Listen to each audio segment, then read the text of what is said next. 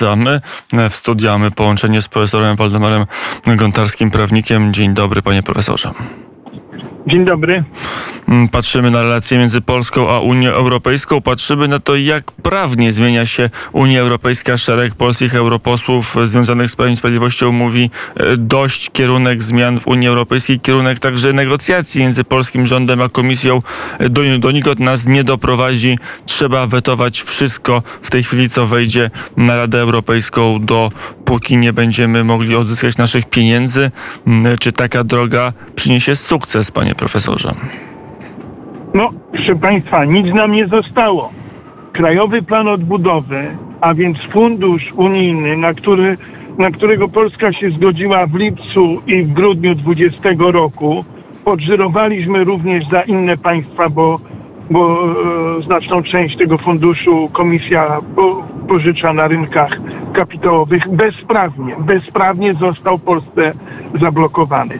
Nawet po 24 lutego, po napaści po, po tej straszliwej napaści Rosji na Ukrainę nie chcą nam odblokować tych pieniędzy. W ten sposób Komisja Europejska staje się faktycznie pomocnikiem Putina. Co dalej się dzieje? Ursula von der Leyen bez konsultacji z państwami członkowskimi zaproponowała rozporządzenie unijne, które nakazuje również Polsce, każdemu państwu członkowskiemu oszczędzać gaz, może dzielić się też y, z innymi państwami. I to kto to robi? Ta kobieta, która przez kilkanaście lat była ministrem federalnym w rządzie Niemiec i która, który to rząd dobrobyt państwa niemieckiego, dobrobyt przeciętnego Niemca zapewniał w ten sposób, że kupowali tani rosyjski gaz, uzależnili się totalnie od taniego rosyjskiego gazu, zapewnili sobie dobrobyt i sfinansowali też yy, w wyniku tego Putinowi napaść na Ukrainę. Proszę Państwa, mamy do czynienia z kierownictwem Unii Europejskiej, które nie ma ani poczucia prawa, ani poczucia moralności, z kierownictwem, które no, jest emanacją krwawiącej demokracji niemieckiej. Nie boję się tego określenia, ponieważ Niemcy nie rozliczyły się z Polską za II wojnę światową, a już wywołały kolejną wojnę europejską, wojnę, którą my musimy buforować finansowo, bo za to, że Niemcy mieli ten dobrobyt taniego rosyjskiego gazu, to teraz Polska to naprawia, udzielając szerokiej pomocy. Każdy pewnie przeciętny Polak jakoś partycypuje e, w tym i my jako osoby prywatne i państwo, które dostarczają uzbrojenie e, Ukrainie, a Polska wiadomo, że jest w czołówce obok USA, później idziemy my, później Wielka Brytania, Niemcy mają z tym problemy ciągle. Yy, po prostu finansujemy to, naprawiamy ten niemiecki yy, dobrobyt. Także Unia Europejska nie ma obecne kierownictwo. Ja nie chcę powiedzieć, żeby występować przeciwko Unii. To jest najlepszy projekt, jaki możliwy jest yy, przy obecnym obecnej sytuacji na świecie i w ogóle przy położeniu geopolitycznym Polski między dwoma nieobliczalnymi sąsiadami, Rosją i, i, i, Niemcami, ale kierownictwo to zostało właśnie opanowane przez osoby, które nie chcą zrozumieć, że po 24 lutego stolicą moralną Europy stała się Polska, to my mamy prawo moralne pouczać Niemców, jak powinna wyglądać Unia, a oni ciągle nie chcą się obudzić, ciągle żyją wczorajszym dniem, jakimś mitem utrwalonej demokracji. E, panie profesorze, poza tym prawnym jeszcze w tym aspekcie przez chwilę pozostańmy w naszej rozmowie. Polska e, ma możliwości prawne wyjścia z e, Krajowego Planu Odbudowy, z Europejskiego Funduszu Odbudowy, bo są takie analizy, które mówią, że to jest już w tej chwili fragment wieloletniego budżetu i nie da się z tego mechanizmu wycofać. Jak to wygląda prawnie? Nie, no, proszę Państwa, Krajowy Plan Odbudowy, mówiąc najogólniej, tak jak każda e, umowa międzynarodowa, e, można z niej wyjść, gdy zaszły nadzwyczajne okoliczności, które były nie do przewidzenia e, w czasie zawierania tej umowy. tej umowy.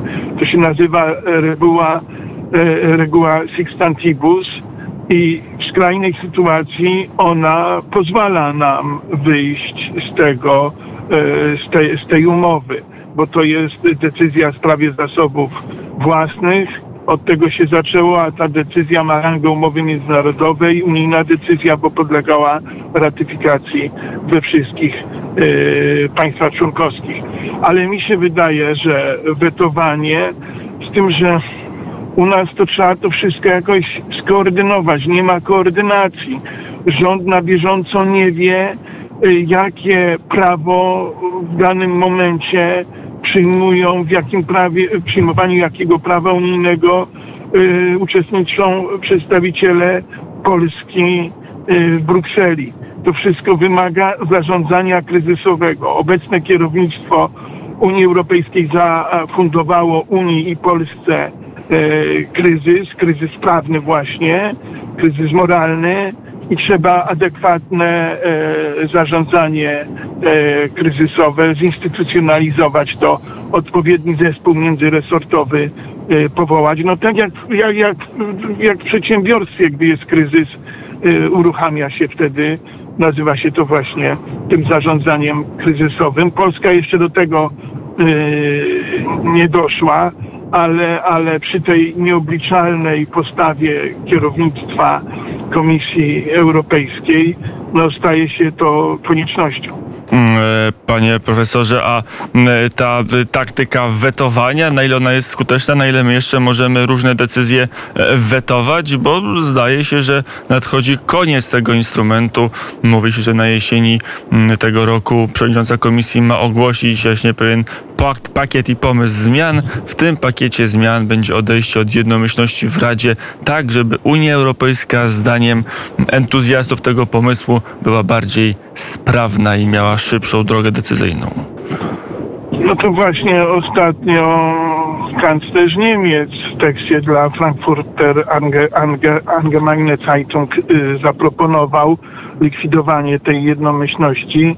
Wcześniej y, prezydent Francji to y, robił, no ale pani przewodnicząca może sobie zaproponować i na szczęście, chyba że naruszą już bardzo grubo traktaty, nic z tego nie wynika, ponieważ przy zmianie traktatów, zmia e, e, gospodarzami traktatów, jak mówi e, Federalny Trybunał Konstytucyjny Niemiec, są państwa członkowskie. Bez ratyfikacji, chyba że damy się znowu uwieść, tak jak daliśmy się uwieść przy ratyfikacji decyzji w sprawie zasobów własnych, akurat na tej antenie ostrzegaliśmy, żeby była to chociaż ratyfikacja warunkowa u pana redaktora występując przed ratyfikacją decyzji w sprawie zasobów własnych apelowałem do naszych parlamentarzystów, niestety bezskutecznie, żeby się zastanowili, co czynią. Wtedy mi pod moim adresem formułowano zarzuty, jak to w innych państwach, tak jak Niemcy przez aklamację przyjmują, ja dobrobytu dla Polski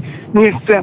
A prosta prognoza prawnicza już wtedy wskazywała, że tych pieniędzy używając słów klasyka, nie było, nie ma i nie będzie, ponieważ bezprawnie wiadomo było, że nam zablokują wypłatę tych środków. Nie było żadnej warunkowości, było podpisane całego mechanizmu z pełną zgodą polskiego rządu. To jeszcze wrócę do tego pytania, na ile mleko się, roz, się rozlało, a na ile jest tak, że jednak każdą umowę międzynarodową, a ta umowa zdaje się ma taki charakter, można wypowiedzieć można wypowiedzieć, ale ja, panie redaktorze, e, oczywiście jako prawnik powinienem stawiać na rozwiązania prawne, ale ja widzę bardziej rozwiązanie polityczne. W związku z tym, że pozycja Polski rośnie z dnia na dzień po wybuchu wojny w Ukrainie, po tym, że punkt ciężkości przenosi się właśnie z Berlina skompromitowanego Paryża, gdzie, gdzie prezydent y, tamtejszy wisiał dosłownie na słuchawce u Putina telefonicznej po wybuchu y, wojny, że nasz główny sojusznik, czyli, czyli USA, wpłynął na tyle na kierownictwo Unii Europejskiej, że to zostanie załatwione właśnie w ten sposób, ale to nie będzie ingerencja pozaprawna, to by, byłaby ingerencja Waszyngtonu, która pozwoliłaby przywrócić porządek prawny w Unii Europejskiej, porządek prawny, myśl którego Polska w zeszłym roku już zaliczkę z Krajowego Planu Odbudowy powinna otrzymać. Mm, Powiedział profesor Waldemar Gontarski, prawnik, były przedstawiciel Rzeczpospolitej przed Trybunałem Sprawiedliwości Unii Europejskiej, mm, adwokat, profesor prawa. Dziękuję bardzo za rozmowę. Dzie- dziękuję.